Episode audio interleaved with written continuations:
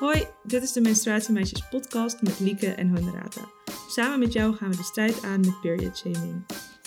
Waar hebben we het vandaag over gehad? Over schaamte en hoe bedrijven daar geld mee verdienen. En dat hebben we gedaan met Marieke IJskoot. Het was echt een heel leuk gesprek. We hebben het gehad over hoe je dat kan herkennen. Waarom het niet oké is. Maar ja, dat was al duidelijk. Maar ik zeg het toch maar even voor de zekerheid. En wat je kan doen als menstruatiemeisje.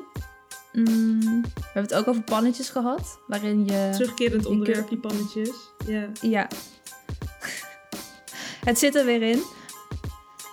En we hebben een nieuwe omslag. Dat heb je misschien al gezien. We zijn er zelf heel blij mee, toch?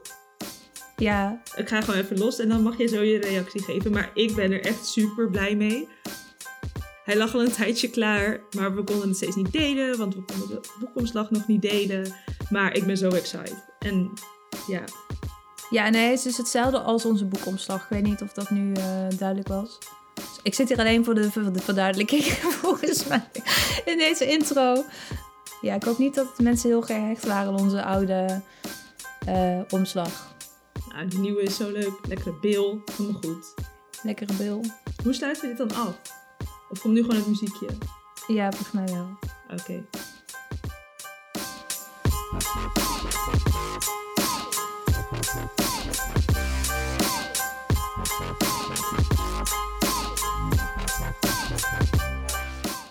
Oké, ik eh, ga naar de echt of nep. Hoeveel staat het? Ik heb het weer eens niet uitgezocht. Het staat eh 6-5 voor mij, dus dit is jouw kans op... eh, Ja, ja, ja. Ik, eh, ik voel de druk. Oké, komt ie aan. Is het echt of nep? Tijdens menstruatie kan de baarmoeder tot 120 mm kwik aan druk genereren. Dat staat gelijk aan de hoeveelheid druk tijdens de tweede fase van een bevalling als je perst. Zei je nou dat echt of nep? 120 millimeter? Millimeter kwik? kwik. Ja, je weet ja, wel. het is wel heel technisch, Lieke. Je hebt wel echt alles uit de kast gehaald.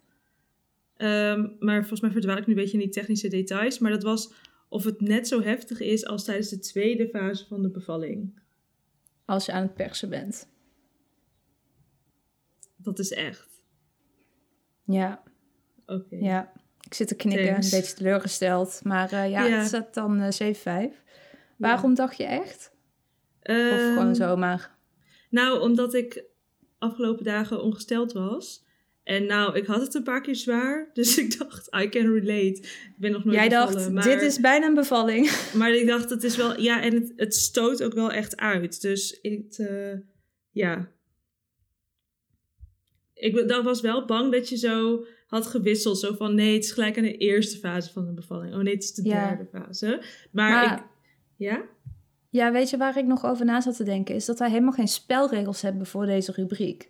Want jij denkt de hele tijd van mij dat ik dit soort details dan zit om te draaien.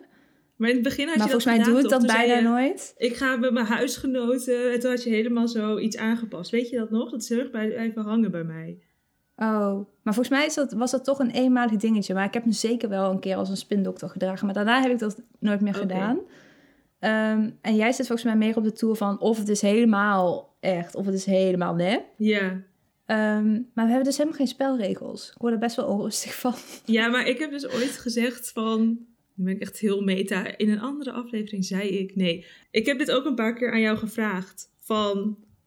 Yo, wat, wat, wat kan allemaal? Eh, Ja. En ik, ik doe dat dus niet. Dus ik doe niet zo van die kleine wijzigingen om het dan zo... ah, Ingewikkeld. Ja, Ja. want dan, het gaat er gewoon meer om wat er gebeurt in de wereld van menstruatie en of dat echt is of nep. En het is niet zozeer, ik bedoel, als we een item willen om elkaar voor de gek te houden, dan moeten we misschien een andere podcast beginnen. Ja, goed punt. Fair enough. Ja, oké. Ja. Dus dat, dat was Oké, mijn maar dan- conclusie. Dan zijn de spelregels gewoon even duidelijk nu. En dat, is, dat vind ik wel gewoon fijn. Ik ben wel dat Ja. type die dan tijdens een spel zegt... Dat zijn de regels niet, maar dat kon ik hier nooit doen. Dus nu Nee. wel, of zo. Goed zo.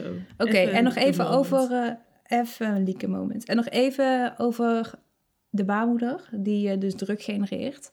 Want wat ik onbewust in mijn hoofd had gedaan... is dat ik endometriose een beetje loskoppelde van dysmonereu. Eh, dus dat zijn die krampen die door je baarmoeder eh, worden veroorzaakt. En nou, ik weet niet hoe dat is ontstaan, maar ik dacht als je endometriose hebt, dan heb je echt pijn. En ik heb dus, nou, zoals het lijkt, geen endometriose, maar, maar wel serieu, serieuze dysmonereu. En toch is dat een beetje ontstaan dat ik dan denk, oh, maar ik heb maar dysmonereu, dus ik heb geen echte pijn. Maar als ik dit nu lees, denk ik, ja, uh, jawel. Elke maand een beetje bevallen. Uh, ja, dat is best wel ja. heftig. En zo zie je maar dat als iemand zegt van, oh, je moet je niet zo aanstellen. Ja, tegen een bevallende vrouw gaan we ook niet zeggen, stel je niet aan. Dan, dat zou Ja. zo raar zijn als ze dat zouden doen. Ehm, dus ja, ik vind het best wel heftig dat die pijn zo ehm, zwaar kan zijn. En neem je het dan ook minder serieus daardoor? De pijn? Ja, misschien wel een beetje, maar nu dus niet meer. Dus dat vind ik het leuk aan deze echt of nep. Ehm, ja, en ik word steeds beter in er meer preventief mee omgaan. Dus echt ruimte voor maken en zo. Ik wil ook nog wel even een update doen. Als we het zeg maar over onderschatten hebben.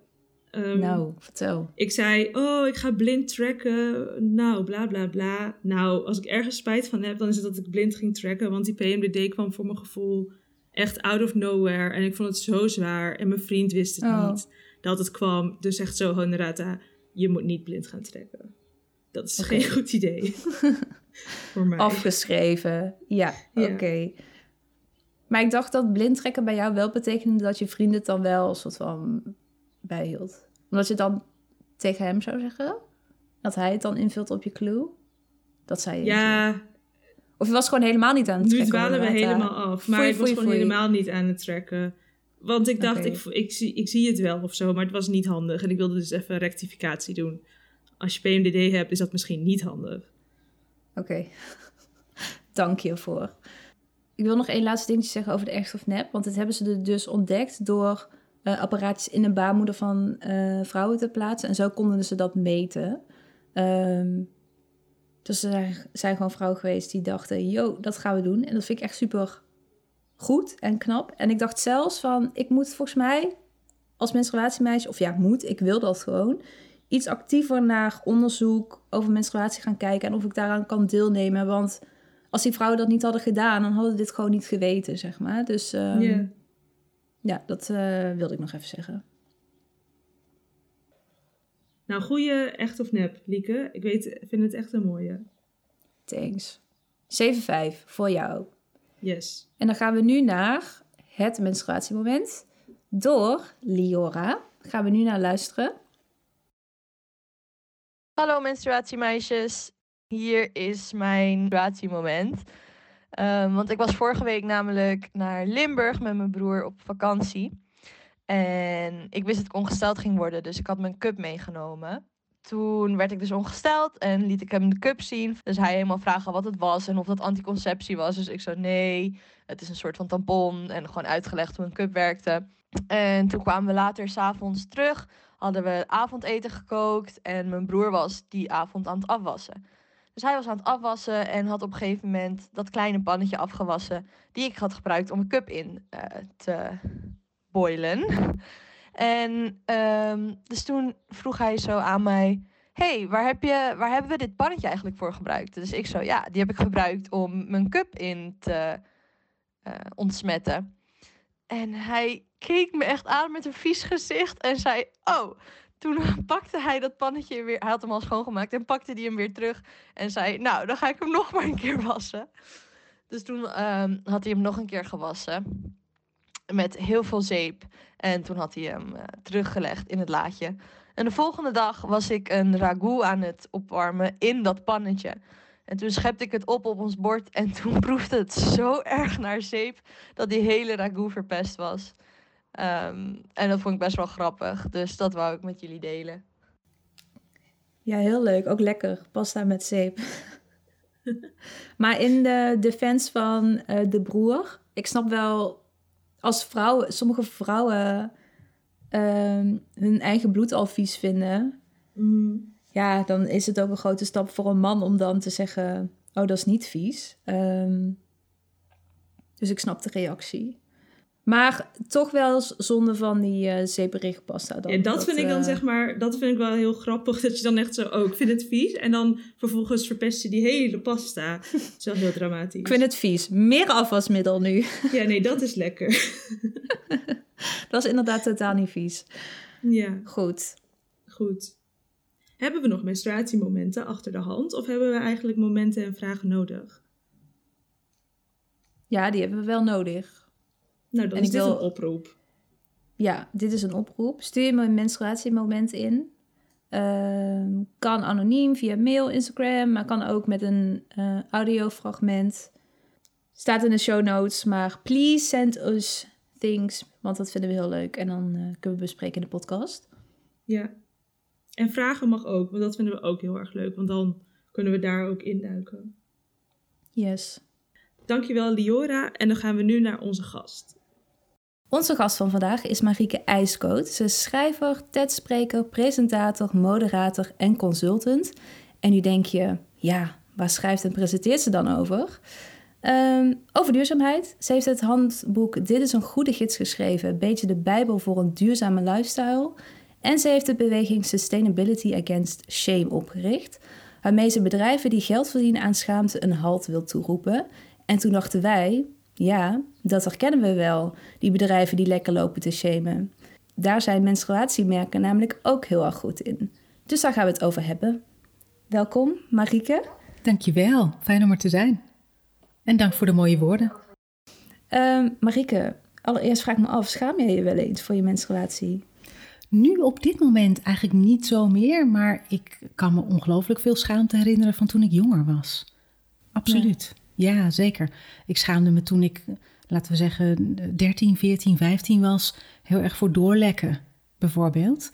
Dat is echt iets waar ik veel mee heb gezeten, want ik was ook ehm, al vrij jong, vrij heftig ongesteld. Ehm, zo erg zelfs dat ik met sporten en met best wel veel dingen die ik deed daar ook wel last van had. Eh, ik verloor veel bloed. En dus, ehm, terwijl ik in een klein dorp woonde, had ik best een vooruitstrevende huisarts op dat moment. Want dit is eh 30 jaar geleden, iets in die geest. Ehm, waar ik met mijn mama heen ging en toen kreeg ik een pil al. Dus ik ben op mijn dertiende al aan de pil gegaan. Microginon 30 is een vrij lichte pil, gelukkig. Heb ik mazzel mee gehad, eh, omdat ik zo hevig ongesteld was.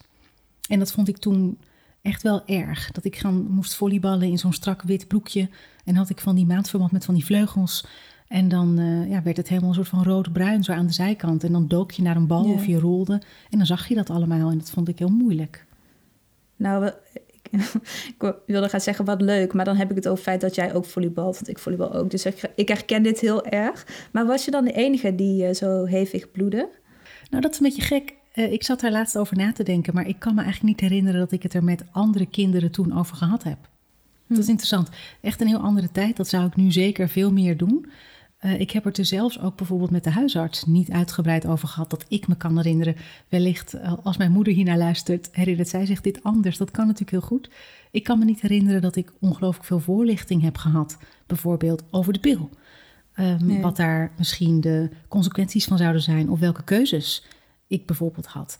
Nou wil ik daarmee helemaal niet zeggen dat ik er ongelukkig mee ben of was. Want het heeft me heel veel gegeven. Heel veel vrijheid. Ehm, maar het is toch best interessant dat je zo'n behoorlijk ehm, eh, ingreep eigenlijk in je lichaam krijgt. Eh, en dat ik me niet kan herinneren dat we het heel uitgebreid he- hebben gehad over wat het allemaal, ja, wat de keuzes allemaal zouden eh, kunnen zijn. Maar ik heb het dus ook niet toen heel veel met andere kinderen over ongesteldheid gehad. En op school bijvoorbeeld hadden we het er ook niet over. Nee. Ik zag dan, wat je dan dus zou denken is, als jij zelf denkt je rolt over door die sportzaal en iedereen ziet jouw bloed, dan zou je dat dus bij andere kinderen ook moeten zien. Andere meisjes of iedereen die eh, een baar, baarmoeder had op dat moment. Ehm, maar dat kan ik me bijvoorbeeld ook niet herinneren. Dat ik dan dacht, oh, zij heeft het ook of die heeft het ook. Ehm, dus ik voelde me daar blijkbaar behoorlijk in mijn eentje mee. Ja. En is de herinnering aan je alleen voelen daarin ook heel goed nog? Want dat, dat lijkt me ook echt niet nice dat je dan je daar als in je eentje druk om zit te maken en daarmee struggelt. Nee, dat was niet fijn, inderdaad. Nee. Dus dat zijn de, zeg maar de, de herinneringen die ik daaraan heb. Eh, dus ik ben eh, fast forward heel erg blij met hoe het nu is. En ook dat er, weet je, als er een menstruatiemeisjes podcast was geweest die ik had kunnen luisteren, had ik me natuurlijk heel anders gevoeld.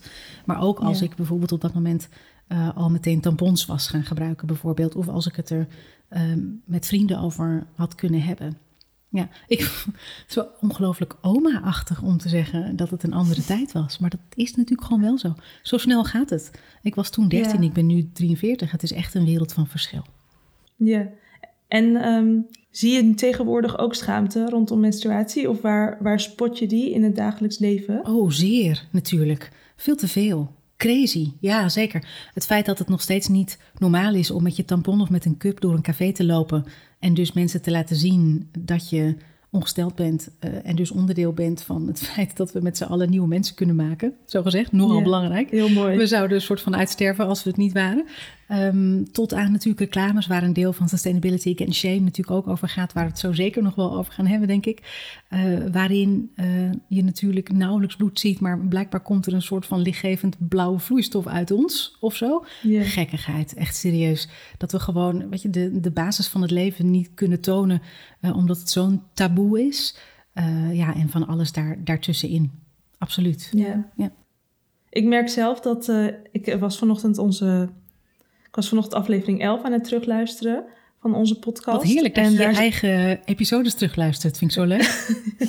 Ja, ik moet eh, naar het terugluisteren. Dan heeft Lieke hem geëdit en dan kijk ik even of ik het zo goed vind. Oh, ik hoopte dat jij gewoon met een enorme doos heerlijke bonbons ging zitten eh, in, een, in een luie stoel en gewoon onwijs zat te genieten, genieten van je, eigen, werk. Ja. Ja. nee, het genieten wel. Ehm, maar daarin zei ik bijvoorbeeld dat ik het woord afscheiding niet fijn vond. En Lieke heeft dat eh, volgens mij veel minder. En toen vertelde ik ook een verhaal uit mijn jeugd... dat ik dus dat afscheiding heel erg niet fijn vond als jonge vrouw. En ja, ik vraag me af of hoe dat komt. Of het, is het dan een verschillende opvoeding? Heb ik dan meer ergens meegekregen dat het fout is? Of ja, ik, ik snap niet hoe die verschillen dan ontstaan. Er zijn inderdaad, denk ik, echt heel grote verschillen die te maken hebben met eh, welke boodschappen we hebben gehoord toen we jong waren. Ehm, bijvoorbeeld dat eh, een biologieleraar dan tegen jongens in de klas zegt: Het is vies om met iemand te vrijen die ongesteld is. Bijvoorbeeld, dat Ja. moet je echt niet doen, gadverdamme. Dat kan iemand een leven lang bij, bijblijven. En dan ziet zo iemand natuurlijk een, een ongestelde partner op een heel andere manier als je dat hebt gehoord als puber, bijvoorbeeld. Mhm. We mogen daar ongelooflijk op letten. Hoe we het doen tegen Ja. elkaar en welke woorden we gebruiken. Absoluut. Hou En op wat ik, echt. wat ik dan heel moeilijk vind, is dat ik dan... Ik, ik dacht dat is zo, oh, dat is, eh, ben ik een bad menstruatiemeisje. Dat ik dan dat niet een prettig woord vind. En herken je dat? dat je nog, heb jij nog schaamte eigenlijk? Of heb je nul schaamte meer? Ehm, ik heb rondom menstruatie niet ongelooflijk veel schaamte. Ik weet niet of het nul is. Dat is misschien lastig vast te stellen. Maar ik durf makkelijk eh, foto's te delen op social dat ik mijn kap aan het uitkoken ben. Of ik vind het niet moeilijk om tegen mensen te zeggen dat ik ongesteld ben. Dan wel aan het menstrueren ben. Want ook het woord ongesteld is natuurlijk wel een interessant woord. Daarin omdat er on in zit. Nou ja, dat soort. Ehm, nee, ik kan, maar ik, het- mijn menstruatie is op dit moment ook best wel anders dan vroeger hoe ik dat beleef. Want ik, ja, het is zeker minder geworden doordat ik de pil heb. En ik kan het natuurlijk uitstellen wanneer ik wil. Als ik bijvoorbeeld een groot event presenteer in een bepaalde week, dan zal ik het uitstellen, bijvoorbeeld. Ehm, wat natuurlijk wel zo is daardoor, is dat ik zelf minder contact heb met hoe de hormonen van mijn lichaam zelf mij beïnvloeden. Omdat er natuurlijk hormonen van buiten inkomen. Dus dat vind ik soms wel eens eh, lastig om die balans te zien tussen hoeveel het me gegeven heeft. Want ik voel me daadwerkelijk bevrijd door het feit dat ik eh, dit mag slikken ook wel eh, in dit leven. Dat dit is uitgevonden en dat er ook zo ongelooflijk hard voor gestreden is. Eh, Ja. Jaren, jaren geleden en nog steeds natuurlijk wel. Ik heb ook, ehm, eh, ik ben ambassadeur nog steeds van de rechtszaak om anticonceptie in het basispakket gratis eh, terug te krijgen. Ook hard campagne voor gevoerd, wat nu natuurlijk goed lijkt te gaan. Alhoewel je altijd maar moet kijken welke partijen nu in de regering komen of ze het gaan uitvoeren. En dan moet het natuurlijk ook nog uit het eigen risico, anders moeten we het alsnog eh, zelf betalen. Ja. Ehm, dus dat, het geeft ook een enorme vrijheid. Tegelijkertijd zijn er natuurlijk heel veel andere dingen die je zou kunnen doen. Ehm, en ik merk soms wel dat ik dan soms een beetje schaamte heb over ehm, dat ik niet. Dat, dat ik de pil slik. of zo. Ja, dat, wilde ik net zeggen. Ja. Dat het is, ik vind het zo fijn dat we nu met iemand praten die eh, de pil slikt en daar blij mee is en dat fijn vindt. Want het is, eh, wij willen compleet neutraal daarin zijn, alleen maar informeren en dat mensen zelf de keuze mogen maken. Eh, maar het is in dit landschap echt moeilijk om voorstanders van de pil te vinden. Eh. Dus ik vind dat wel heel mooi eigenlijk, juist Dank. om die dan wel ook te spreken. En bijvoorbeeld, ik heb PMDD, dus premenstruele dysfore stoornis. En bij mij maakte de pil dat erger. Dus ik kan zelf niet een voorstander van de pil zijn of een ambassadeur daarvan, omdat het voor mij gewoon niet fijn was. Ehm, maar ik vind het wel fijn om dan met mensen te praten die het wel fijn vinden, omdat het ook vooral toen zo'n mooie uitvinding is geweest. Exact. Het Ja. heeft ons veel gegeven. En natuurlijk eh, moet er veel betere voorlichting worden gegeven. En moeten er veel meer opties beschikbaar zijn en dat soort dingen. Maar het is wel gewoon ook één van de opties, toch? eh, nog steeds. Ja. En ik heb er veel baat bij gehad. Wat natuurlijk niet wil zeggen dat ik heus wel eens... Ik zou... En daar heb ik niet ongelooflijk veel tijd meer voor. Natuurlijk ook, eh, zeker nu de tijd dus anders was dan... Ik ben ook gewoon aan de pil natuurlijk gegaan in een tijd dat, het, dat die opties er niet allemaal waren. Ehm, zou ik natuurlijk eigenlijk nog eens de kans moeten grijpen om uit te zoeken... Wat, of ja, hoe het allemaal anders zou zijn. Hoe ik me zou voelen als ik de pil niet zou slikken. Daar ben ik soms ook best een beetje bang voor. Wat er dan Ja. gebeurt. Eh, maar goed, dat is nooit een goede raadgever natuurlijk. Dat wil niet zeggen dat je het niet moet doen, maar daar ben ik wel dan een beetje zenuwachtig over. Ehm, maar dat ga ik vast nog doen. Absoluut. Ja. Ja. Ik, heb, ik, heb, ik heb, heb altijd veel zin in experimenten en zo. Dat klinkt nu allemaal alsof ik al heel experimenteel doe. Ehm, dat is helemaal niet waar. Maar wel, nieuwe dingen ontdekken is misschien een... Ja, dus jij, jij, jij ervaart, de, of eh, ik ervaar een beetje afscheidingsschaamte en jij een heel klein beetje pilschaamte. Klopt. Ja, Ja. Lieke, ik ben een bruggetje voor je aan het bouwen.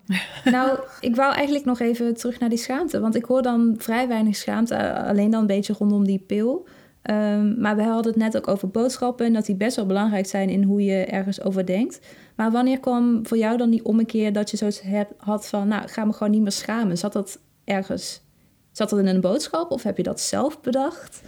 Dit is natuurlijk voor mij onderdeel van een, een veel grotere beweging om ehm, ons, ons allemaal veel minder te laten schamen. Eh, Op heel veel Ja. vlakken. Daar, daar hoort het natuurlijk in. Ik ben me de afgelopen jaren veel bezig gaan houden met ehm, hoe het nou komt dat we soms lijken in bepaald gedrag gevangen te zitten, terwijl we al lang weten dat het beter zou zijn om misschien soms andere keuzes te maken, andere dingen te kopen, minder te kopen, dat soort dingen. Eh, ik schrijf er boeken over natuurlijk om eh, eh, mensen zoveel mogelijk keuzes te geven en mogelijkheden om op het gebied van duurzamer leven en, en, en bewuster leven om het anders te doen. En dan nog vinden veel mensen het natuurlijk heel lastig om uiteindelijk die stappen ook te zetten. Ehm, dus ik ben me een beetje gaan verdiepen in hoe komt dat eigenlijk. En daardoor kwam ik eh, schaamte eigenlijk veel meer eh, op het spoor dat we ons, ja, dat, dat ons ongelooflijk wordt aangepraat.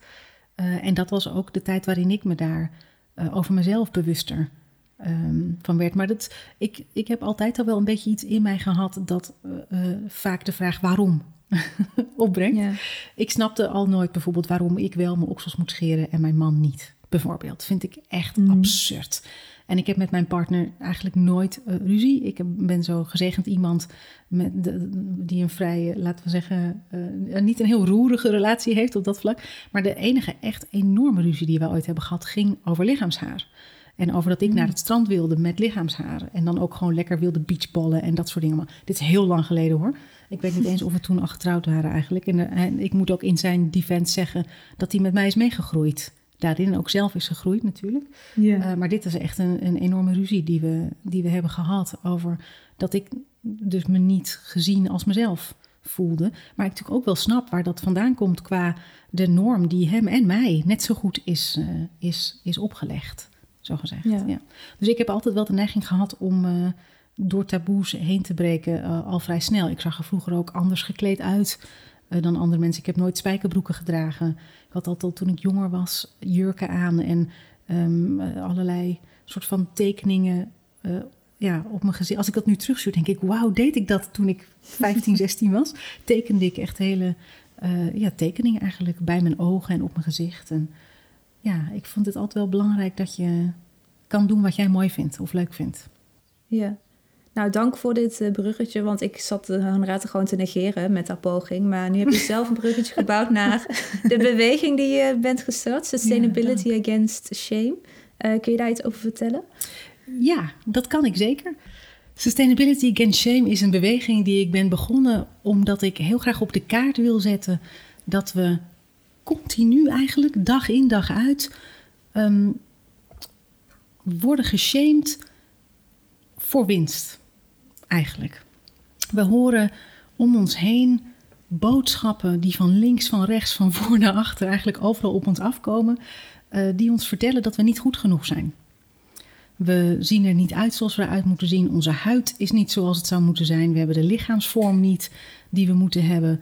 Uh, we zweten, we zijn aan het uh, rimpelen, we zijn, um, ons haar wordt grijs. We hebben niet, maar ook niet de juiste gadgets bijvoorbeeld. Niet de juiste telefoon, niet de juiste make-up, niet de juiste it-bag.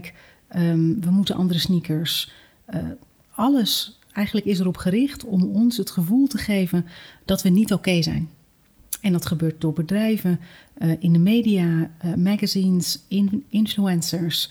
Um, om maar eigenlijk ons aan te praten dat we hun oplossing nodig hebben. Namelijk de producten die ervoor gaan zorgen dat we wel oké zijn en gelukkig gaan worden en dat soort dingen. En om dat te gaan willen, moeten we ons natuurlijk eerst wel, uh, laten we zeggen, uh, het, moeten we het gevoel hebben dat we een probleem hebben. Anders hebben we niks op te lossen. Um, dat hele mechanisme zorgt er eigenlijk voor dat we ons nou, van een heel jonge leeftijd af eigenlijk al um, rot over onszelf voelen en een heel negatief zelfbeeld ontwikkelen. Um, dat op zich is al erg genoeg, vind ik, om tegen in opstand te komen, wat mij betreft. Dat we alleen maar om bedrijven winst te laten maken, we ons heel rot over onszelf voelen en uh, heel weinig een soort van, ja, dat we soms ook weinig zelfvertrouwen hebben, veel twijfelen aan onszelf. Dat is een, vind ik echt een heel verschrikkelijk bijeffect van deze manier van producten verkopen. Maar daarnaast wordt het ons ook behoorlijk moeilijk gemaakt, zo niet onmogelijk, om ons duurzamer te gedragen. Want blijkbaar is ons doel dat we zoveel mogelijk kopen. Zoveel mogelijk.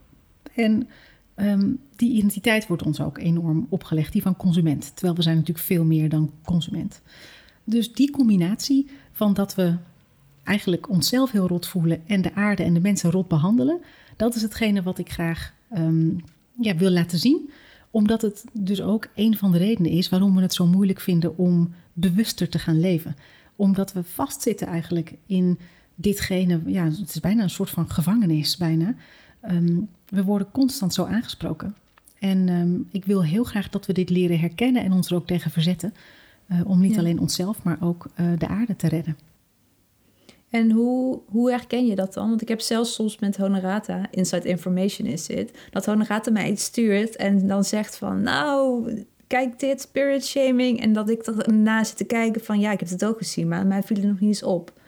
Um, en dan ben ik menstruatiemeisje. Dus hoe herken je ja. dat bedrijven dit doen? Nou, dat is, het is natuurlijk, dat is soms best lastig te herkennen. Absoluut. Het kan heel geniepig zijn, right? Um, als we naar menstruatie kijken, hebben we het natuurlijk al gehad over dat daar um, blauwe uh, vloeistof wordt gebruikt in plaats van bloed. Dat zien is voor sommige mensen echt al een eye-opener.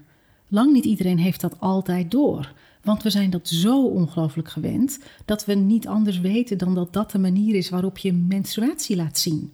Dat beelden we zo uit. Dat mensen, is normaal. Mensen verdeden, toen we dat aankaarten op LinkedIn, bij onze post, kaarten mensen dat zo vaak aan. Ja, maar dat is omdat het een hygiëneproduct is. Ja, maar dat is omdat je geen bloed op tv wil laten zien. Ja, dat is omdat het uh, wetenschappelijk moet overkomen. Ja. En, we, en we internaliseren eigenlijk dat wat we gewend zijn. En verdedigen ja. dat heel lang. Dat doen we natuurlijk met heel veel onderwerpen. Hebben, veel mensen hebben dat met Zwarte Piet ook gedaan, bijvoorbeeld. Of, ja, want we, we, zijn gewoon zo opgegroeid en we vinden dat normaal. Dus juist door je bewuster te zijn van dat dit mechanisme zo werkt, kun je het misschien sneller herkennen. Um, hetzelfde geldt bijvoorbeeld voor reclame, uh, voor um, uh, scheermesjes bijvoorbeeld, of andere producten om haar van je lichaam weg te halen. Je ja. herkent ongetwijfeld die mesjes die heel erg uh, wiftig langs totaal naakte oksels gewoven worden. Het slaat ik nog nergens op. Er is uh, bijna nauwelijks haar in haarverwijdingsproducten en uh, in reclames daarvoor. En al zeker geen venushaar, bijvoorbeeld. Nee. er zijn echt maar heel weinig merken die dat durven laten zien en zo'n taboe willen door, doorbreken. Um, het feit ook dat je bijvoorbeeld woorden als probleemhuid kan hebben of dat je naar een website gaat voor um, producten voor je huid waar dan probleemgebieden staat. Of weet je, Mm. het, het- het zit in allerlei van dat soort woorden waaruit blijkt dat het in elk geval niet oké is. Ehm, ehm, van een soort van fitnessproducten, corona-kilo's, eh, shapewear, tot ook natuurlijk aan eh, magazine-artikels waarin het dan gaat over hoe je make-up kunt gebruiken om je hele lichaam zo te shaden dat je probleemgebieden niet meer zo opvallen. Dat we dan dus met z'n allen blijkbaar vol make-up op het strand moeten gaan liggen. Ik heb geen idee wat daar de bedoeling van is. Maar dus de- ja, het, zijn, het, is het, het kan in beelden zijn natuurlijk, dat we altijd alleen maar dezelfde soort mensen te zien krijgen, want dat is de norm. Eh, wat natuurlijk ook echt verschrikkelijk is en super beperkend. Ehm, en ook helemaal niet inclusief genoeg. Tot aan inderdaad woorden, waar jullie het natuurlijk ook met eh, menstruatie vaak eh, over, over hebben. Ja. Maar dat is zeker denk ik iets wat je ehm, jezelf moet trainen, bijna. Ja. Om daar doorheen te kijken. En dus eigenlijk steeds ook misschien vragen te stellen van wat wordt me hier getoond? Welke woorden worden er gebruikt? En is het dus hier de bedoeling eh, dat ik me op een bepaalde manier niet goed voel over mijn huid, mijn menstruatie, over de kleren die ik draag? Eh, weet je dat je bijvoorbeeld, je hebt van die reclames, dan heb je een bepaalde outfit aan en niemand ziet je staan en dan trek je in hun kleren aan en ineens ben je de populairste van de klas. Weet je, allemaal van dat soort dingen. Dat is, het is natuurlijk crazy. Ik zag laatst Ja, ook- ik heb zelf... Nee, ja. ga je gang. Ik heb dat ik... eh, ik consumeer heel veel media niet echt meer, zoals tijdschriften. ehm, ook bepaalde typen van Instagram-accounts. En nu herken ik het. Als ik dus iets doe en ik denk, oh... Ik denk dat het dan entertainment is, of dat ik het doe voor de lol. En eigenlijk ga ik me steeds rotter voelen. En dan denk ik, oh nee, huh, maar dit vind ik helemaal niet leuk. En dan stop ik ermee. Maar dat is wel echt best wel lastig, vind ik ook. Dat is het. Ik, ik zit hierop, right? Ik, ik hou me hiermee bezig. En eh, eh, waarschijnlijk eh, meer dan de meeste mensen. En ik heb het ook nog hoor. Dat ik dan bijvoorbeeld de laatste weken heb ik het idee ehm, dat ik 's ochtends als ik uit bed kom behoorlijk eh, verkreukeld ben in mijn gezicht. En dat het ook vrij lang duurt voordat dat weggaat. Langer voor gevoel. Ja. Ik sta vrij vroeg op. Ik maak ook altijd 's ochtends vroeg een wandeling.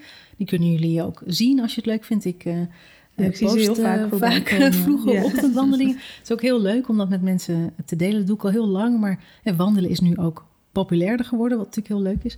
Ik ben echt een ochtendmens, dat vind ik heel lekker. Dus ik voel me ook 's ochtends vaak fit en fijn. Maar dan kijk ik in de spiegel en denk ik, hé, hey, ik ben ineens best wel... Ik zit nu ook met mijn handen, kun je helemaal niet zien, maar zo een beetje door mijn ogen en zo een beetje in elkaar te kreukelen. Ja. Ehm, dat heb ik meer voor mijn gevoel dan eerst. En dat kan best wel snel gaan. En ook dat je ooglid bijvoorbeeld best wel over je oog zakt. Dat gebeurt Ja. gewoon, want je, je, je huid wordt minder strak, de ela- elasticiteit gaat eruit. Dat is heel natuurlijk. Ehm, en dan toch, eh, ik was laatst, je moet natuurlijk nu vrij veel online kopen, wat lastig is, ook als je duurzamer eh, keuzes wil maken. Maar ja, het is nu gewoon even niet anders. Dat wordt gelukkig eh, hopelijk snel beter. Dan zit je dus meer op websites qua waar je dingen koopt. En dus ineens verloor ik mezelf ook in potjes die dan beloofden dat mijn huid meer zou gaan glowen. En dat het er veel frisser en fitter, ochtends dat ik zou wakker worden met een echt een glowing skin. Weet je, dat soort dingen. Dat ik ineens dacht, dit heb ik nodig. Dit moet ik Ja. hebben. En dan ben je al vrij ver in dat je dat allemaal gaat lezen en over jezelf dus gaat denken dat jouw huid er zo moet uitzien. Er zit ook een plaatje bij van natuurlijk totaal niet reëel hoe een huid eruit ziet. Eh, zonder poriën en zonder haartjes en allerlei dingen die ons leuk maken en sproeten en dat soort dingen. Ehm, en dan ineens word je een soort van wakker, hè? Dat je denkt, wow, ehm, ik, heb, ik ben echt super oké. Ja, ik ben Marieke. Het is Ja. niet de bedoeling dat ik hier intrap. Nee. Dat is, ik, ik word, er wordt me hier iets aangepraat wat ik echt gewoon helemaal niet wil. En ook op een manier die me echt helemaal niet aanstaat. Overigens Nee. vind ik het belangrijk om daarbij te zeggen dat ik natuurlijk je ook helemaal niet wil shamen als je gezichtsverzorgingsproducten gebruikt. Dat doe ik zelf ook. Maar ik wil graag dat je ehm, de dingen doet, of het nou is je benen scheren, lipstift opdoen, heb ik ook, vind ik heel mooi. Ehm, omdat je het zelf wil. Niet omdat een reclame, een bedrijf of een artikel of een in- influencer dat zegt. Ik wil vooral dat je doet wat je zelf wil. Ik, ik vind bijvoorbeeld okselhaar echt heel mooi. Vind ik heel cool staan. Vind ik ook ja, een soort van stoer en sexy. Vind ik leuk. Ik vind beenhaar bij mezelf niet per se altijd mooi. Dus dat haal ik wel eens weg. Nu minder vaak dan vroeger. eh, maar dat doe ik wel eens. Ehm, hypocriet is dan het woord dat ik krijg. Dan denk ik, maar dat is, dit is exact waar het om gaat. Dat ik kan doen wat ik wil. Want mijn lichaam is van Ja. mij, niet van iemand anders. Dus als ik mijn beenhaar wil weghalen, maar mijn okselhaar wil laten staan, of als ik met een cup door een restaurant wil lopen of met een tampon, ehm, dan is dat helemaal oké, want dat hoort bij dingen die van mij zijn en die natuurlijk zijn aan je lichaam. En wat zo knap is, vind ik, aan de industrie en aan wat er wordt aangepraat, is dat het eigenlijk allemaal dingen aan je lijf zijn die er helemaal bij horen en natuurlijk zijn. Als ik niet zweet, ga ik dood. Maar ik mag niets weten. Dat is, het is gelukt om het natuurlijke proces zweten, dus het kwijtraken van zowel warmte als stoffen die we kwijt moeten, om dat taboe te maken om deo te verkopen. Maar ik moet zweten. Als ik niet zweet, dan loopt het niet goed af. En toch is dat iets waar ik me over moet schamen. En datzelfde geldt bijvoorbeeld voor uh, sowieso ouder worden in zijn algemeenheid. Want dat gaat natuurlijk vanzelf. Daar hoeven we niks voor te kopen, niks voor te doen. Ehm, de reden dat we eigenlijk jeugd en jeugdigheid bijna als heilig verklaren is onder andere omdat als dat het ideaal is, we hard zullen moeten vechten om dat te bewaren tegen onszelf.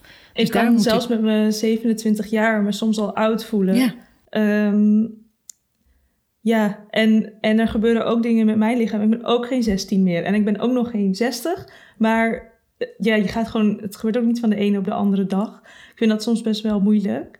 En wat ik me eigenlijk afvraag is of die Ehm, die boodschappen bijvoorbeeld bij OB hadden we aangekaart dat er helemaal het woord menstruatie niet op de verpakking stond. Of dat bewust wordt gedaan. Dus of er, en nu sorry Lieke, dan ga ik een beetje met je vraag vandoor. Maar of dat bewust wordt gedaan, of dat in achterkamertjes gebeurt van oh we gaan ze shamen en dan um, levert dat meer geld op. Of is het iets wat is ontstaan en wat nu gewoon voor winst zorgt?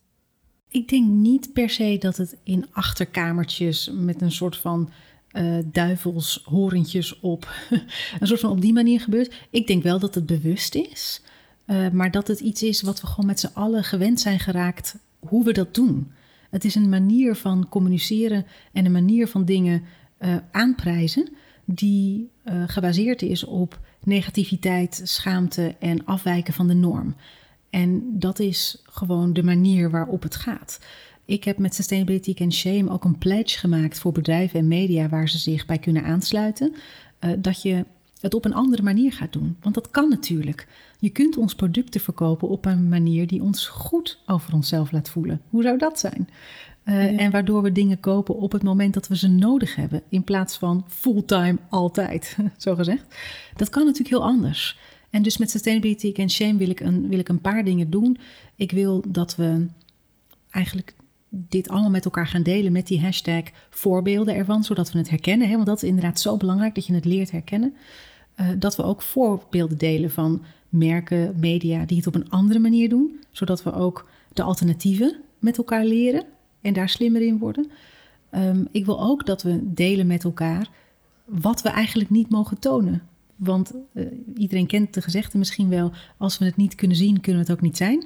Uh, we, we, zien veel te weinig verschillende lijven, kleuren, leeftijden, ja. uh, achtergronden, genders, seks, seksualiteit, allerlei van dat soort dingen. Ja. De norm is natuurlijk veel te nauw, sowieso. En hij verandert ook steeds, waardoor het natuurlijk überhaupt al duidelijk is dat het bullshit is. Want het is niet ja. een natuurwet, het is bedacht. Dus als we dat zoveel mogelijk met elkaar delen, dan maken we eh, de wereld veel vrijer en kunnen we ja, onszelf ook veel meer zijn. En ik heb dus een pledge gemaakt voor bedrijven waar ze zich um, bij kunnen inschrijven als vieren, zodat bedrijven ook en media um, met elkaar eigenlijk gaan zeggen: ja, dit is niet de manier meer om het te doen. Dus ook heel ouderwets eigenlijk, hè, vind ik het persoonlijk. Ja. Um, en laten we op zoek gaan inderdaad naar andere manieren waarin we zowel in woorden als in beelden, uh, als ook in het bewerken van beelden bijvoorbeeld, uh, stoppen met een bepaald soort heel uh, minuscuul ideaal te promoten dat gericht is op mensen zich heel rot voelen over zichzelf en daarbij dan zoveel mogelijk verkopen.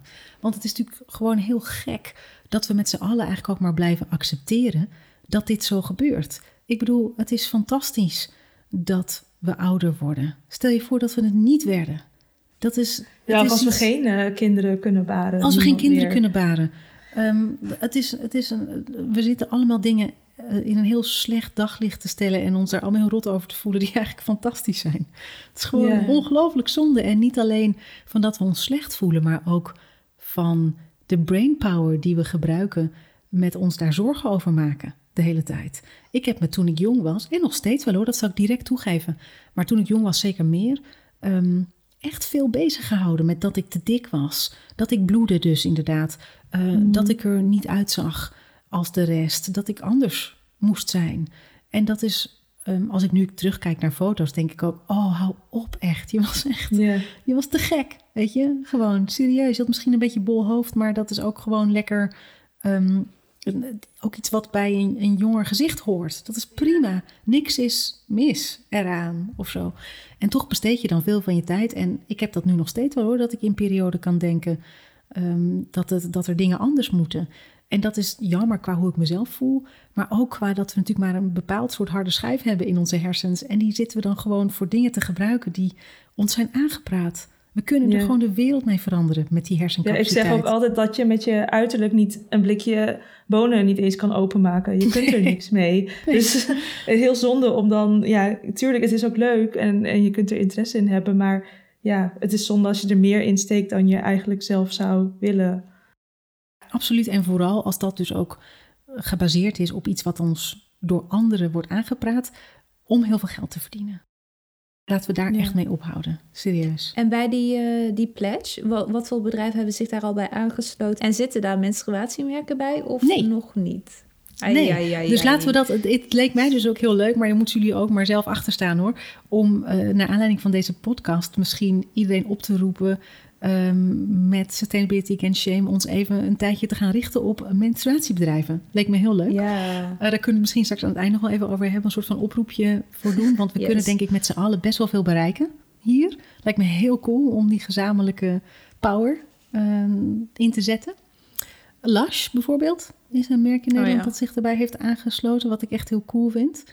Eh, dat is heel tof. Lena de Fashion Library bijvoorbeeld. Die eh, kleding leent waar je eh, niet per se meteen natuurlijk alles hoeft te kopen. Maar eerst kunt proberen of je het wel eh, aantrekt. En ook natuurlijk altijd heel handig voor als je een eh, evenement hebt of een bepaalde gelegenheid. Ehm, dat zijn bijvoorbeeld heel goede voor, voorbeelden. Media ook, Damn, Damn Honey, waar misschien best wel mensen naar luisteren die ook naar deze podcast luisteren. Kan ik me heel goed voorstellen. Maar ook internationale organisaties en merken, bijvoorbeeld als Lovia, een heel te gek, best wel high-end tassenmerk uit Finland. Heel cool. Die eh, dit ook echt anders willen gaan doen. En natuurlijk best wel als je in zo'n soort van high-end modesector zit, is dit echt wel de norm en heel gangbaar. Dus vind ik het heel gaaf Ja. dat dat soort merken eh, dit ook onderstrepen. Heel tof. Ehm, ook organisaties bijvoorbeeld als de Bovengrondse Gender eh, eh, Feministisch Platform, of eigenlijk Do Tank, een van mijn lievelingswoorden. Vind ik heel tof dat ze dat woord hebben. Ja, van allerlei eigenlijk. Ja, en dus ook heel, van heel over de hele wereld. Rio Ethical Fashion, Global Fashion Exchange uit de Verenigde Staten. goed. Alleen die menstruatiemerken dus nog even. Ja, exact. Die hebben we nog heel erg nodig. Want we hebben dus nu wel Ja. verzorgingsproducten, mode, dat soort. Maar ja, daar zouden ze ongelooflijk goed eh, bij passen. Ehm, wat ik me afvraag, eh, want duurzaamheid, ehm, nou, een paar jaar geleden was dat nog niet zo vanzelfsprekend. Nu zie je het overal, ook bij merken eh, die roepen dat ze duurzaam zijn, of ze dat nu wel echt zijn of niet. Ehm, maar deze, ja, deze sociale beweging, om het maar even te noemen, hoe zie jij die verandering voor je? Zie je dat optimistisch? Gaat dat ook zo lang duren? Of Ik zie het wel optimistisch. Ik denk wel dat het even duurt. Toch. Ehm, ik, als ik terugkijk, ik ben twintig jaar geleden begonnen zo'n beetje in duurzame mode en lifestyle. Ehm, toen ik toen begon, ging ik bij een organisatie werken die de Schone Klerencampagne heet. Voor betere arbeidsomstandigheden in de wereldwijde kledingindustrie. Ik heb ook eh, daar veel fabrieken mogen bezoeken wereldwijd. Van Bangladesh naar Thailand, Turkije, Oost-Europa. Echt heel veel om met de arbeiders zelf te werken aan de verbetering van hun omstandigheden. Want zij weten natuurlijk wat er moet gebeuren. Kunnen wij niet voor ze beslissen. Dus ik heb ook echt veel mogen leren, echt aan de binnenkant van de industrie. Ehm, toen ik daar ging werken, toen zeiden mensen, waar ga je werken? Bij een stomerij of zo? Ja, mensen hadden echt weinig idee van de issues en waar dit over ging. Een uitbuiting, ehm, eh, echt voor een hongerloon, 16 uur per dag onze kleren naaien, dat soort dingen. Dat was toen inderdaad echt veel minder bekend. Als ik nu eh, tegen mensen zeg wat ik doe eh, ergens. Ik, zie, ik wou zeggen in de trein. Ik spreek nu eigenlijk geen mensen meer in de trein. Maar gewoon, dit, dit, komt wel weer allemaal. Dan gaan ze daar een heel gesprek zelf over voeren. Waar ik helemaal niet meer bij betrokken ben. Kan ik gewoon zelf even lekker wat anders gaan doen. Dus dat is, dat is heel erg veranderd. Bewustzijn over uh, onze, onze producten en de wereld en alles wat wij gebruiken. En eigenlijk nodig hebben voor onze levensstijl. Dat is echt heel erg veranderd. Tegelijkertijd denk ik dat we nu een beetje op het kruispunt staan dat we het ook echt moeten gaan omzetten in doen. Van weten naar doen. Dat is super belangrijk. En dat geldt voor bedrijven ook.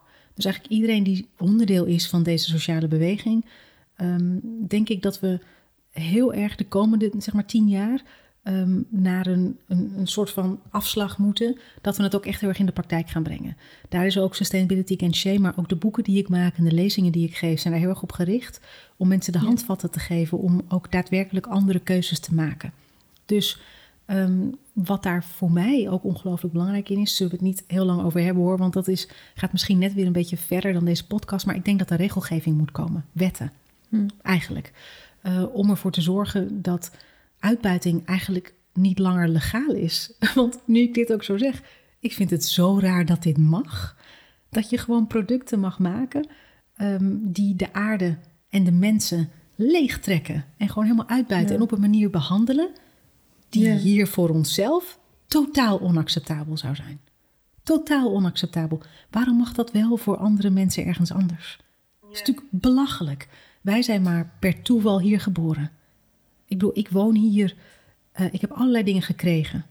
Ik heb een heel goede economische situatie, democratie, mensenrechten, vrouwenrechten, uh, goed klimaat. We vinden die regen niet altijd fijn, maar er groeit wel veel. Nou, uh, van allerlei dingen hebben andere mensen erg voor gestreden voor mij, maar ik heb er in feite niks voor gedaan. Ik heb het gewoon gekregen. Dus heb ik meer recht op dit allemaal? En om allemaal producten te gebruiken en te kunnen kopen die waar andere mensen echt nou ja, goed, niet een gewoon leven van kunnen leiden. En echt honger lijden en enorme overuren moeten maken. En waar voor de aarde gewoon helemaal naar de kloten helpen. Sorry voor dat woord, maar het is wel zo. En, en dat mag gewoon. Die producten liggen hier gewoon in de winkel. Ja, daarom, ik durf soms best wel, ik ben wel echt een beetje een kleine activist. Ik woon ook mede daarom in uh, Berlijn. Nou ja, als je menstruatiemeisje bent, kleine activist is ook wel logisch. Ik ben wel een grote activist, um, zou ik zeggen. Ja, en het lijkt me ook helemaal niet iets om klein te maken. Nee, maar daarom durf ik soms best wel de regels een beetje te overtreden, zoals zo street art ophangen en dat soort dingen. Want dan denk ik, ja, als die bedrijven alles mogen doen wat ze willen, dan mag ik ook wat ruimte innemen in de publieke ruimte. Zeg is zo. Dus, uh, ja, dat is natuurlijk zeker waar. En ik denk ook dat we met z'n allen um, ons soms wat meer misschien moeten afvragen waarom we dit accepteren. Waarom vinden ja. we dit oké? Okay? dat dit allemaal kan. Dus dit moet verboden worden, right? Dat kan gewoon niet. Ja, zeker. Dat kan niet. Dus er, moeten, er moet een wet komen die zegt... er mogen alleen producten, dan zou ik zeggen de Europese Unie in... die gemaakt mhm. zijn volgens de waarden die we voor onszelf ook houden. Right? Yeah. Hoezo is dat anders? Voor iemand anders, ergens anders... alleen maar omdat wij hier geboren zijn en zij daar. Crazy. Yeah. Maar ik, ik hoorde je ook zeggen uh, tien jaar. En eerst dacht ik, oh, dat is lang... Maar eigenlijk brengt me dat ook wel veel rust. Want soms heb ik het gevoel dat we echt deze hele menstruatieschaamte in een jaar moeten fixen. En dan voel ik echt zo'n last en haast. um, maar volgens mij, ja, zo snel gaan die dingen ook gewoon niet, helaas. Ik denk dat je tegelijkertijd moet proberen het zo snel mogelijk te willen, want we hebben geen tijd. En tegelijkertijd het oké moet vinden dat dat dus inderdaad niet binnen 10 minuten is. Want dit gaat ook, dit gaat inderdaad allemaal om mensenlevens. Zowel uh, dat we gewoon kunnen menstrueren en daar vrij in kunnen zijn en ons niet hoeven te schamen en, en onszelf kunnen zijn, wie je dan ook ja. bent. Uh, en tegelijkertijd natuurlijk ook als het gaat over de productie. En het is nog best interessant om het daar met sommige van de merken ook eens over te hebben. Wat voor katoen er eigenlijk in zit en wat voor plastic en dat soort dingen. Hè? Dus als het over ja. de productie gaat, hoe ze eigenlijk worden gemaakt en ingepakt en dat soort dingen. Uh, hebben we ja. pers niet per se veel tijd te verliezen, want de uitbuiting gebeurt nu op dit moment. Dus het moet en snel en tegelijkertijd heeft het tijd nodig. dus we moeten, denk ik, blijven vechten alsof, het, ja, alsof we geen tijd hebben en tegelijkertijd het oké vinden dat het tijd kost. Als ik dit nu zelf zo zeg, denk ik, ik heb ook het gevoel dat ik tegen mezelf zit te praten. maar ik vind het wel uh, interessant dat je regelgeving aanhaalt hoor, uh, Marike. Want ik zit nu ook, ik denk even hardop, maar eh, wat betreft reclames heb je bijvoorbeeld wel reclamecodes. En volgens mij, uit mijn hoofd, mag reclame niet misleidend zijn. Maar als ik dan aan sommige menstruatiereclames denk, denk ik... nou, volgens mij is dat best misleidend. Dus nou, dat ga ik vanavond even in mijn vrije tijd uitzoeken of zo. Want ik ben wel even heel maar deze zaken, dit soort zaken zijn natuurlijk super interessant, hè? Om daar iets Ja. mee te doen. Ehm, ik heb het gevoel dat er soms in reclame best wel veel mag. En er zijn soms mensen die er wel ehm, tegen in opstand komen. Er was laatst ook een professor ergens of iemand die lesgeeft aan de universiteit, die een aantal influencers eh, voor de reclamecodecommissie bracht omdat hij het idee Oh. had dat het, weet je, want die, die, dit wordt natuurlijk nu ook vrij blurry, wat wel reclame is en wat niet. En het wordt niet altijd gezegd. Ja. Er zijn veel sponsorships. Ehm, ik word al best wel veel gevraagd om producten te promoten. Dus als ik al word gevraagd, dan, dan heel veel andere mensen ook. Ik doe dat principieel niet, eh, omdat ik het heel belangrijk vind dat informatie onafhankelijk blijft. En ik ben van niemand en van iedereen tegelijkertijd. Dat is soms natuurlijk best wel een beetje pijnlijk, want dan wil ik ook wel een mooie nieuwe, weet ik veel, wasmachine of iets anders, zeg maar. En dan zie je het soms natuurlijk ook wel bij anderen wel langskomen. Dat je denkt, ah, dat werd mij ook aangeboden. Ehm, maar dat is, dit is best een blurry line. En ook inderdaad wat er beloofd wordt. Of welke woorden er worden gebruikt. Of welke beelden worden getoond. Ik zou het helemaal niet... Ik zou het heel leuk vinden om... eh, we kunnen daar best eens samen naar kijken bijvoorbeeld. Om te zien, kunnen we een pakketje maken met, eh, met reclames... die eh, je best onder misleidend dan wel andere regels Ja. van de reclamecodecommissie zou kunnen scharen. Want dit zijn de soort van tools die we hebben. Ja. Absoluut, laten we dat doen. Nou, ik krijg er helemaal zin in. Of nou, terwijl het is eigenlijk helemaal niet iets positiefs, maar ik krijg er wel zin in. Laatste vraag alweer, Marike. Wat kun je als menstruatiemeisje zelf doen tegen shame for profit? Nou, het lijkt me dus heel tof als we de komende weken, zeg twee weken of zo, met z'n allen gaan proberen om zoveel mogelijk menstruatiemerken aan te schrijven en ze te laten stoppen met shamen of ze in ieder geval heel bewust te maken van het feit dat ze het doen en wat voor effect het heeft. Dus als we eh, met z'n allen, eh, alle merken die je kent of zelf gebruikt, eh, met de hashtag Sustainability Against Shame ehm, laten we zeggen, ik wou bijna zeggen, ehm, eh, totale een soort van eh, avalanche van, eh, van berichten naar ze toesturen. Dat we ze helemaal eh, plat bombarderen. Maar dat klinkt altijd zo oorlogsachtig. Dus ik was op zoek Oh ja, naar een ander hebben- wij woord. gebruiken ook een beetje... Wij gaan ook de strijd aan met period Ja, shaming, geweld hoor. strijd, Dus ja, we zijn precies. helemaal eh, Oh, dus ready. past met, wel, helemaal gelukkig. klaar voor dit soort... eh, Ja, want je hoorde me denken naar, kan ik een minder oorlogsachtig woord eh, vinden? Maar goed, dan, dan eh, laat ik het gewoon zo. Eh, om te proberen dus zoveel mogelijk merken zich te laten aansluiten bij deze beweging.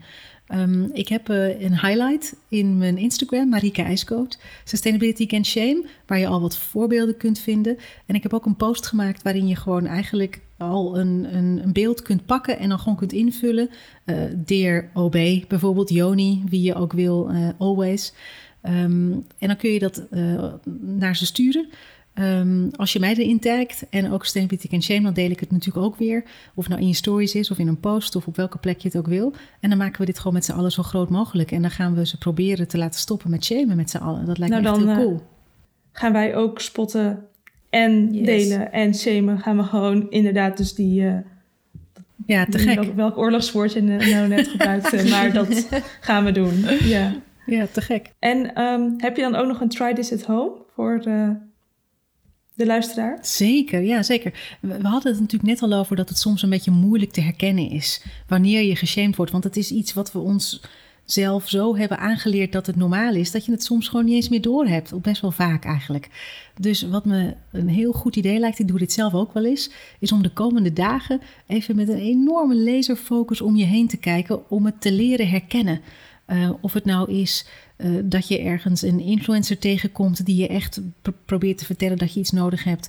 Of een reclame omdat je een YouTube-filmpje aan het kijken bent. Of een magazine of je rijdt langs een poster. Of wat dan ook. Let even enorm goed op.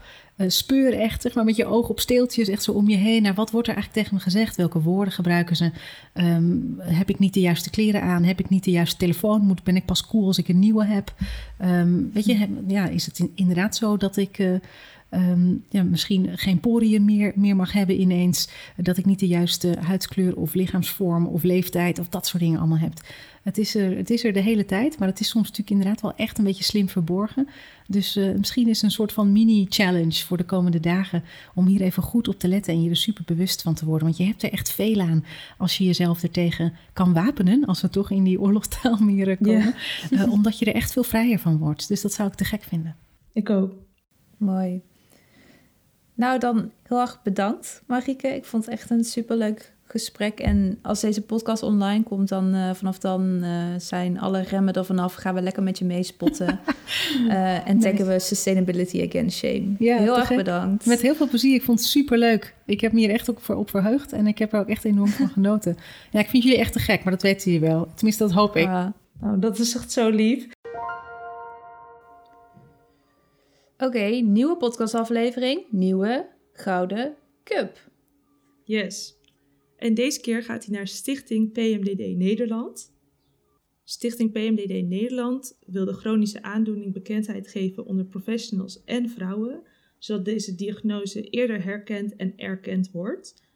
En de stichting heeft als doel om vrouwen een veilige plek te geven waar zij gehoord en gesteund worden door lotgenoten. En volgens mij zijn ze nu een paar maanden bezig. Ze hebben ook een Instagram. Um, ik had van alles klaargezet, maar wel echt in 38 verschillende tabbladen. Ze hebben ook een Instagram, pmdd.nederland. En hun website is pmddnederland.nl. Um, ehm, en ik ben echt zo blij dat ze dit doen. Want toen uh, ik de diagnose kreeg, bestond dit nog niet. En alleen maar Amerikaanse informatie. En ik vind dat heel mooi. Ze zijn ook een beetje tegelijkertijd begonnen met ons. Staat mij bij. Ja, er zitten een beetje parallellen in, inderdaad. Ja, maar super belangrijk inderdaad. Nou, was het dat alweer? Dit is wel echt de kortste, uh, kortste uh, Gouden Cup ever.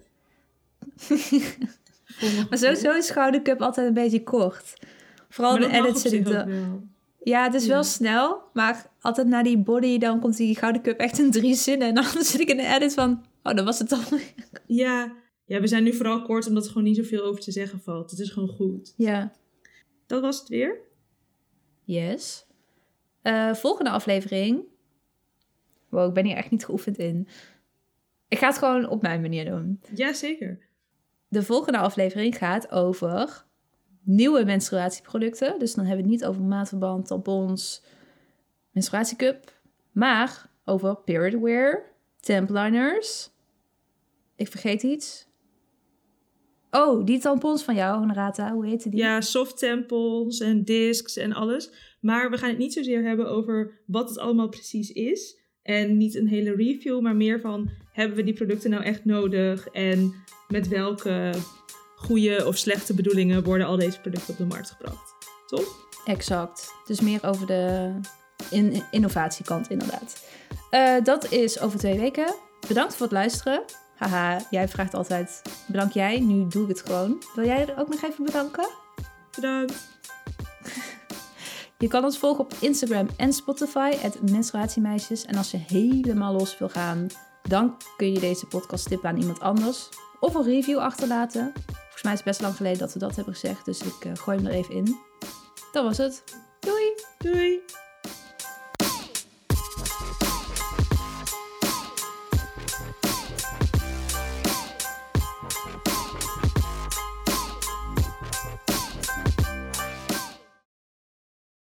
Ja, als mensen ons een DM sturen, dan zeggen ze dus vaak... ja, ik weet niet wie wie is of wie dat nou heeft gezegd. En dan voel ik me zo Nick en Simon. En ik weet niet waarom ik dit zo leuk vind, maar ik vind het heel leuk. Yo, ik heb dit ook gezien in de DM's en ik heb een ezelsbruggetje verzonnen... maar ik weet niet of je hem leuk vindt. Heel benieuwd nu. Lieke komt uit Limburg. en Honorata komt uit Groningen. Maar die Lieke Limburg is beter. Ja. Ik weet ook niet wat ik heel En ik denk als ik zeg van Lieke Limburg, Honorata Groningen, dan weet je wel wie wie is. Jij klinkt niet Gronings en ik klink niet Limburgs. Nee, dat is waar. Oké.